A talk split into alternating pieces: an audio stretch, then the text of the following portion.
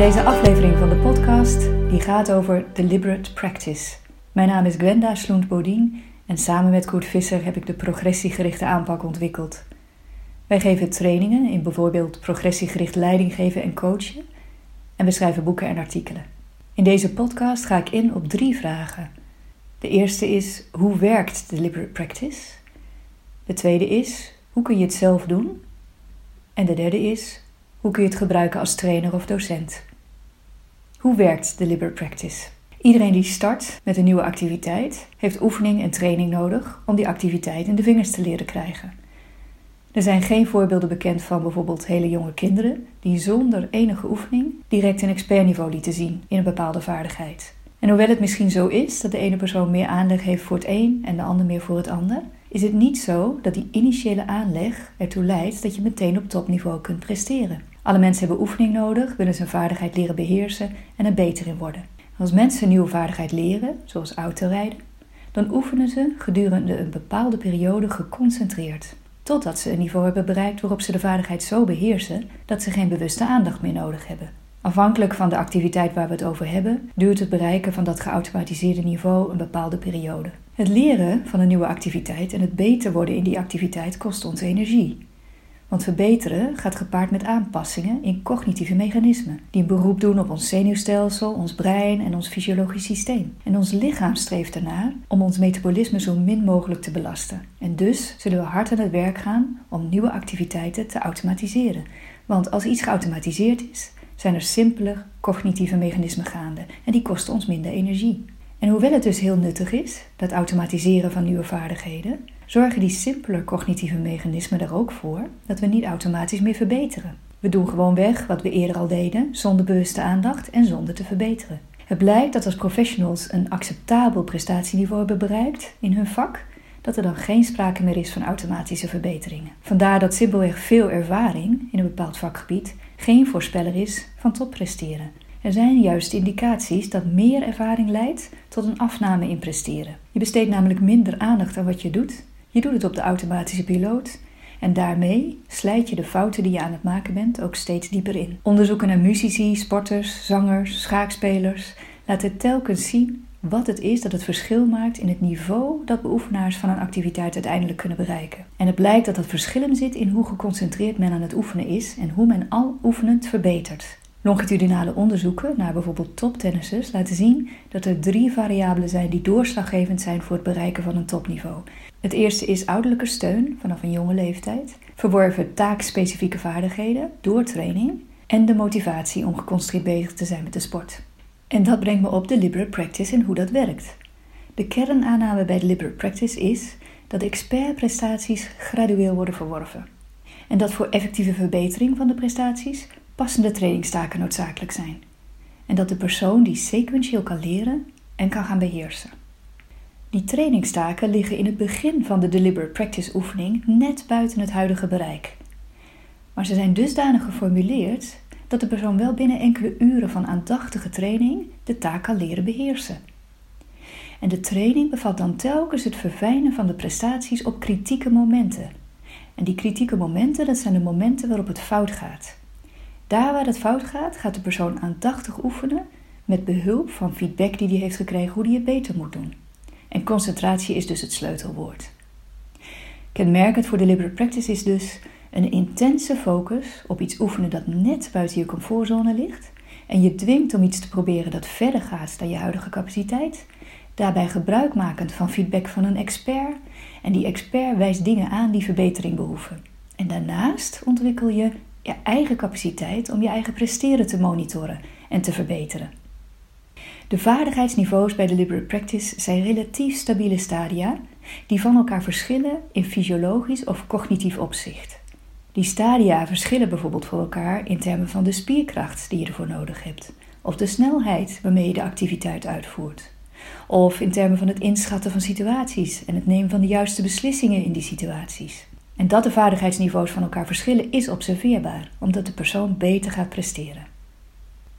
Naast een fysiek aspect heeft deliberate practice ook een mentaal aspect. De fysieke kant ervan zou je kunnen vergelijken met de werking van een spier. Op het moment dat je de spier telkens een beetje te zwaar belast voor wat hij op dit moment aan kan, gaat hij zich automatisch versterken, zodat hij de taak wel goed aan kan. En hoe werkt de mentale kant van het verwerven van een hoger niveau?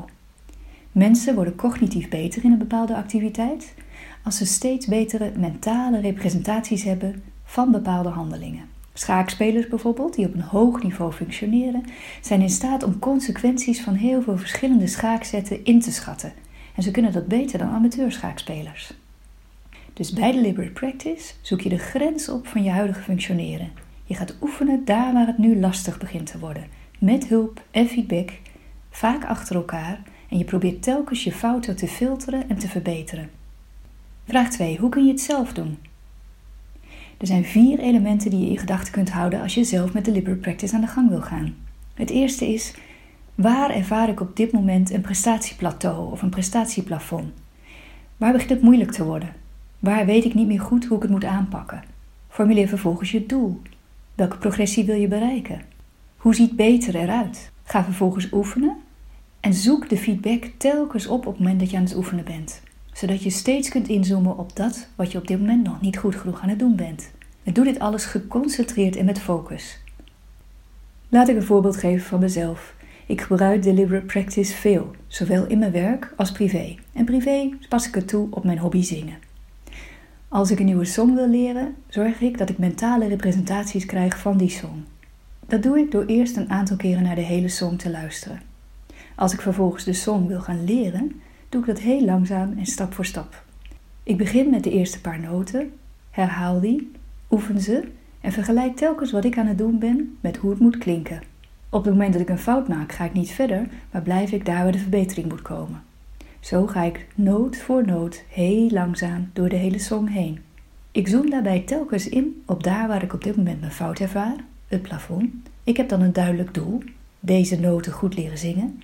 Ik heb ook duidelijke feedback, ik heb een opname van hoe de noten moeten klinken en ik ben heel gefocust en geconcentreerd bezig. Dus bij deliberate practice vergelijk je je eigen prestaties steeds met een norm, de prestaties van een expert.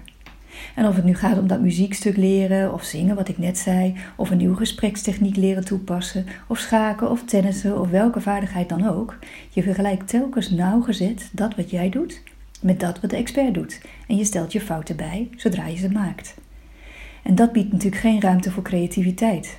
Want als je je eigen draai gaat geven aan dat muziekstuk of die gesprekstechniek terwijl je hem nog niet goed in de vingers hebt, dan ben je die nieuwe techniek niet goed aan het leren, je bent zelf iets aan het verzinnen. Creativiteit in een bepaalde vaardigheid komt nadat je goed bent geworden in de techniek, niet voordat je er goed in bent geworden. Maar toch kunnen creativiteit en deliberate practice prima samengaan. Als je bijvoorbeeld de zeven stappen van progressiegericht coachen uit je hoofd wil leren, dan kun je allerlei manieren verzinnen om met die zeven stappen bezig te zijn. Je kunt ze lezen in een boek. Je kunt ze uit je hoofd opschrijven. Ik heb eens iemand gehoord die ze op de koelkast had geplakt, zodat hij ze elke keer zag op het moment dat hij de koelkast opendeed.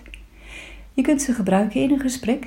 Je kunt de zeven stappen opschrijven en jezelf de taak geven om bij elke stap een progressiegerichte vraag te formuleren en ga zo maar door. En het gaat er bij creatieve deliberate practice dus niet om dat je de technieken op zichzelf verandert, maar het gaat erom dat je de technieken op een creatieve, zelfverzonnen manier gaat leren. De derde vraag: hoe kun je het als trainer of docent gebruiken? Dat begint natuurlijk bij het ontwerp van je training of je les. Zorg ervoor dat de oefeningen dusdanig zijn dat de deelnemers in je training kunnen gaan oefenen op een niveau waarop het moeilijk voor ze begint te worden. Daar waar ze hun huidige prestatieplafond ervaren. En in de uitvoering van de les of van de training kun je de Practice veelvuldig gebruiken. Omdat je met je deelnemers oefent wat hen nog niet gemakkelijk afgaat, kan de Practice wel oncomfortabel voor ze voelen. Je zoekt immers op wat je nog niet kunt en je krijgt feedback op wat je nog fout doet. Geen wonder dat het spanning op kan roepen en dat het gevoel van competentie van de deelnemers in je training of in de les onder druk kan komen te staan. Het is dus belangrijk om dingen te doen zodat de deelnemer autonoom gemotiveerd kan blijven tijdens deliberate practice. En trainers en coaches kunnen veel doen en ook vooral laten om ervoor te zorgen dat dat oncomfortabele gevoel er niet toe leidt dat de deelnemer op gaat geven. Trainers en coaches kunnen beter de volgende dingen achterwege laten: persoonsgerichte kritiek geven of beschuldigingen uiten, zoals: Nou, je doet niet hard genoeg je best, of je hebt zeker weinig geoefend deze keer. Laten merken dat je je ergert als de persoon telkens dezelfde fout maakt of dat je teleurgesteld bent in zijn prestaties. Mensen onder druk zetten. Ik verwacht dat je dit nu toch al kunt. Je hebt toch lang genoeg de tijd ervoor gehad, nu maak je weer dezelfde fout. Suggestieve vragen stellen. Wat vind je er nou zelf van, hoe dit nu gaat? Of fouten zien als teken dat er iets mis is met de persoon. Hoe komt het nou toch dat je dit steeds fout doet? En beloningen of straffen in het vooruitzicht stellen. De do's zijn fouten normaliseren.